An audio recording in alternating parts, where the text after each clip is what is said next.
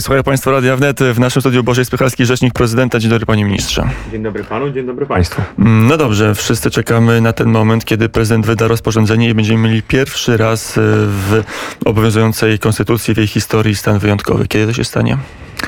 Panie redaktorze, no jak się stanie, to rzeczywiście o tym będziemy informowali, natomiast e, myślę, że to jest kwestia e, najbliższych godzin. Godzin. Tak. Czyli dzisiaj.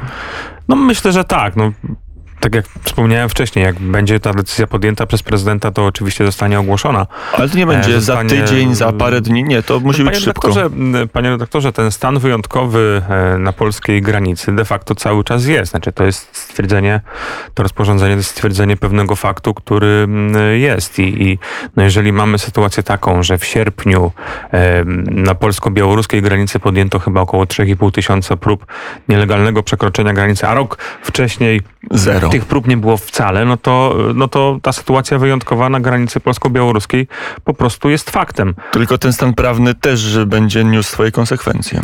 Naturalnie, natomiast y, tak jak wspomniałem, no, mamy dzisiaj sytuację na polsko-białoruskiej granicy trudną, skomplikowaną i ja też jakby proszę zwrócić uwagę na, na ten drugi element, o którym mówi się chyba zdecydowanie mniej, a nie słusznie.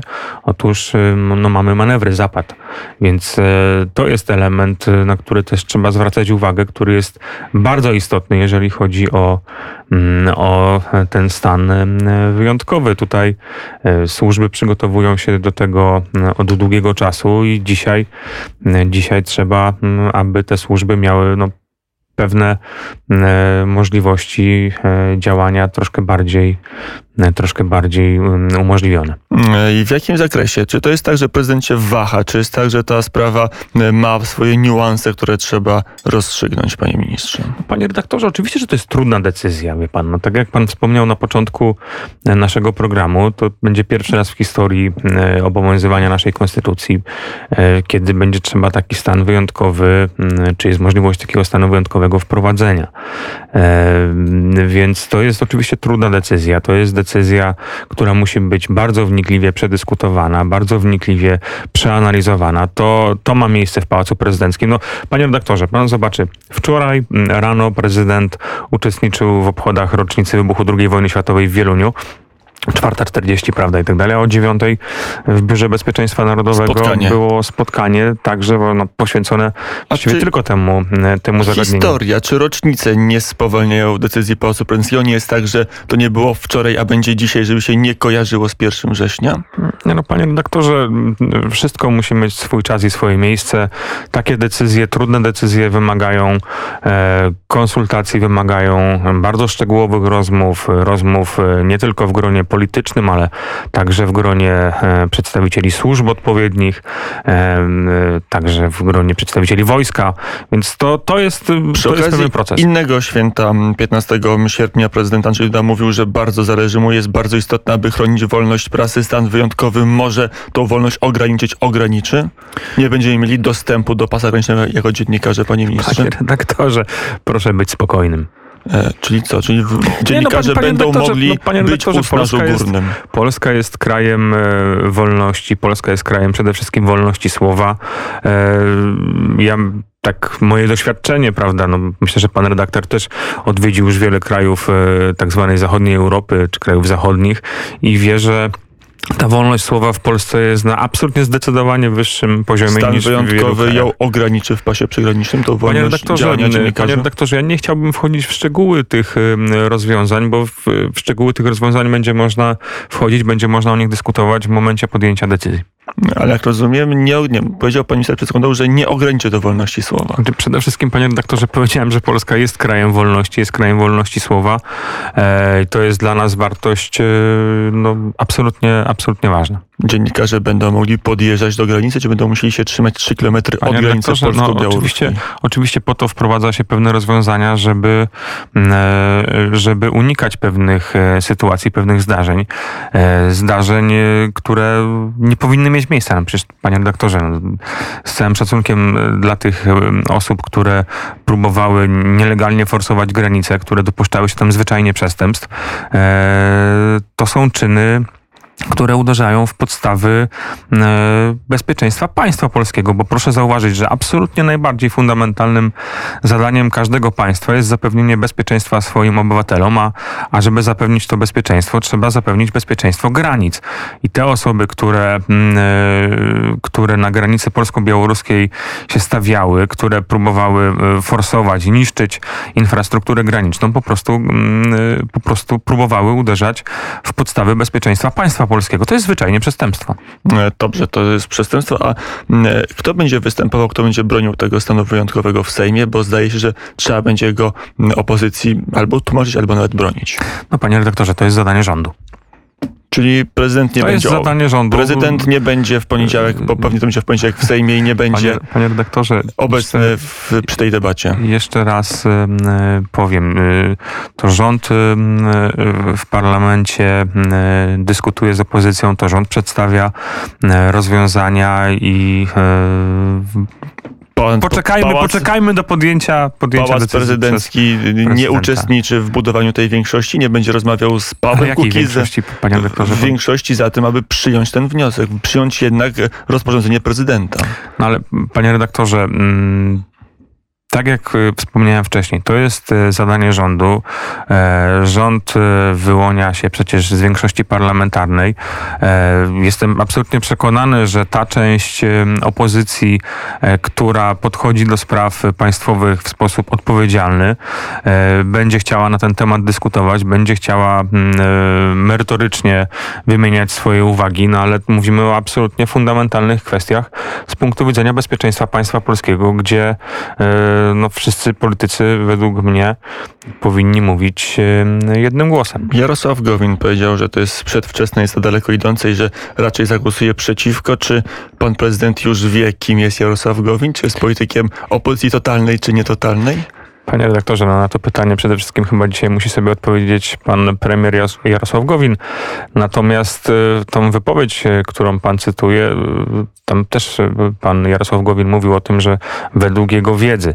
Mm, Więc myślę, że to też jest tak, że ta dyskusja w parlamencie mm, pewnie, mm, jeżeli do niej dojdzie, pewnie będzie takim miejscem, gdzie rzeczywiście ta wiedza będzie w sposób no, bardziej usystematyzowany jeszcze politykom przez rząd e, przedstawiona tym politykom oczywiście, którzy zasiadają w Sejmie. A skoro przy Jarosławie Gowinie jesteśmy, to będzie to spotkanie, czy nie będzie, które zostało odłożone przy okazji wręczania dymisji panu wicepremierowi, byłem już Gowinowi?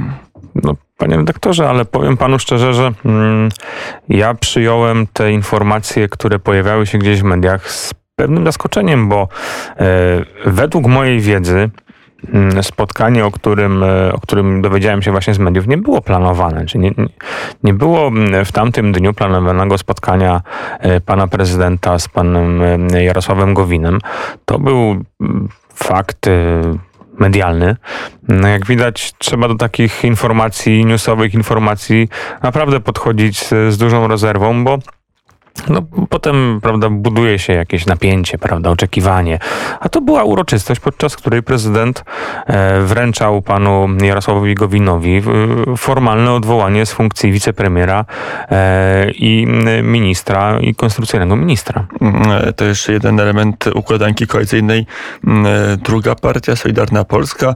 Zbigniew Ziobro powiedział, że kwestia Izby Dyscyplinarnej to jest kwestia pana prezydenta, bo to się znalazło w prezydenckiej ustawie. Na ile pan prezydent patrzy na reformowanie wymiaru sprawiedliwości? Panie redaktorze, to, że wymiar sprawiedliwości wymaga mm, reformowania, wiemy wszyscy i tutaj myślę, że myślę, że nie ma między nami e, jakichś specjalnych różnic. Mamy dzisiaj sytuację taką, jaką mamy, no też przecież nie ma co się oszukiwać. Ale nie jest smutno panu Eee, prezydentowi przykro, że jego pomysł Izbą Dyscyplinarną właśnie trafia do Panie kosza? redaktorze, ale w, polityce, szczególnie na tym poziomie, znaczy trudno mówić o, o, o, różnego rodzaju przykrościach czy innych taki, tego typu rzeczach. E, polityka jest sztuką realizowania swoich celów, y, polityka jest sztuką przekonywania obywateli, że to, co prezentujemy jest słuszne i że jesteśmy skuteczni. E, Jak widać od 2015 roku szeroko rozumiany obóz Zjednoczonej Prawicy potrafi to czynić, potrafi przedstawiać realny program dla Polski. E, Podejmujemy się trudnych wyzwań. No, reforma wymiaru sprawiedliwości jest oczywiście trudnym wyzwaniem i tutaj nikt nie ma W co do tego studio wątpliwości. Janusz Kowalski, bliski współpracownik Zbigniewa Ziobro, powiedział, trzeba wrócić do podstaw, do ustaw, które kiedyś zgłaszał minister Ziobro. One były dobre, one powinny być wprowadzone. Te ustawy zawetował prezydent Andrzej Duda. Mm, Panie redaktorze, gdyby były dobre, to byłyby częścią e, polskiego porządku prawnego. E, natomiast, e, tak jak wspomniałem, to jest trudne zadanie, to jest zadanie bardzo wymagające, to jest zadanie, które, mm, które jest przed obozem Zjednoczonej Prawicy. mm, No myślę, że w najbliższym czasie bardzo mocno będzie, będzie stawiane. E, A kwestia sędziów pokoju, bo od tego uzależnia swoją bytność w koalicji rządzącej, czy e, wsparcie dla koalicji rządzącej Paweł e, Kukiz. Los sędziów pokoju też zależy od pana prezydenta, bo to w Pałacu Prezydenckim ustawa się wykuwa. Tak, jest specjalny zespół powołany przez prezydenta do spraw opracowania projektu ustawy o sędziach pokoju. Prezydent wielokrotnie wypowiadał się bardzo pozytywnie o takim pomyśle wprowadzenia na powrót, bo przypominam, że przed II wojną światową e, taka instytucja, podobna instytucja istniała w polskim porządku prawnym. Lat w Pałacu Prezydenckim za chwilę minie, już minęło 6 lat i ustawy jak nie było, tak e, nie ma. Będzie w tej kadencji Sejmu. Panie redaktorze, ale wie pan, no, to co pan przed chwilą powiedział, y, to jest trochę tak. Paweł Kukiz, który szedł za sztandarami wprowadzenia instytucji sędziów pokoju do parlamentu, y, nie pamiętam, żeby to środowisko przedstawiło projekt ustawy. Dokładny projekt ustawy w tym zakresie. Y, Prezydent wielokrotnie przychylnie wypowiadał się i mówił o tym, że jeżeli taka, y, taka ustawa pojawi się na jego biurku, to z całą pewnością będzie podchodził do tego przychylnie. Przypominam, że parlament nie wypracował od 2015 pracuje roku prezydent i ustawy i, kiedy i zostanie, ustawę i pokaże? taka, I taka ustawa, taki projekt ustawy zostanie w niedługim czasie wypracowany. Z tego co wiem, zespół, zespół pod kierownictwem zresztą osoby wskazanej właśnie przez Pawła Kukiza. To też pokazuje dużą przychylność prezydenta e, i, i zarówno dla tego postulatu Pawła Kukiza i, i, i dla samego Pawła Kukiza. Myślę, że w niedługim czasie, no, to jest kwestia kilku tygodni, taki projekt będzie, e, będzie przedstawiony Będzie i to on będzie... przedłożenie prezydenta? Ej, No tak, no oczywiście, tak, tak. Jeżeli taki projekt zostanie wypracowany, to oczywiście po to, żeby prezydent mógł go parlamentowi przedłożyć. E, Będzie konsultowany z ministrem Zbigniewem Ziobro, z ministrem sprawiedliwości.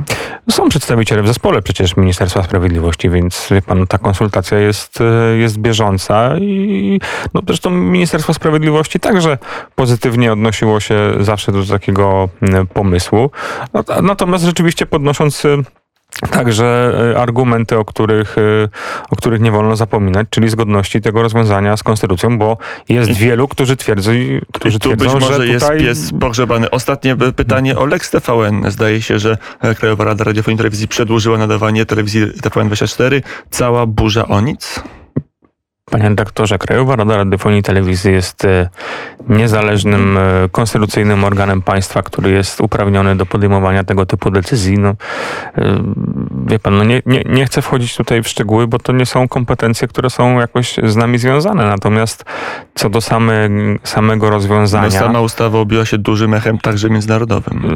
no Pałac tak, prezydencki i- chyba się temu przyglądał. I warto, warto o tym pamiętać, że nie żyjemy w próżni, że rozwiązania, które są w Polsce przyjmowane, są e, szeroko dyskutowane i są to rozwiązania, szczególnie w tym zakresie, który dotyczy przecież naszego strategicznego partnera amerykańskiego, bardzo wnikliwie analizowane. Dużo pytań pozostało, ale czeka pan prezydent. Za chwilę minister Bożej Spychalski, że prezydenta musi się stawić przy krakowskim przedmieściu. Nie jest daleko, ale Nie jest trzeba, daleko, tak. trzeba zdążyć. Panie ministrze, dziękuję bardzo za rozmowę. Dziękuję panu i dziękuję państwu. Na zegarach e, 8.50 czas na muzykę. Za potem na chwilę jeszcze do studia Poranka Wnet wrócimy.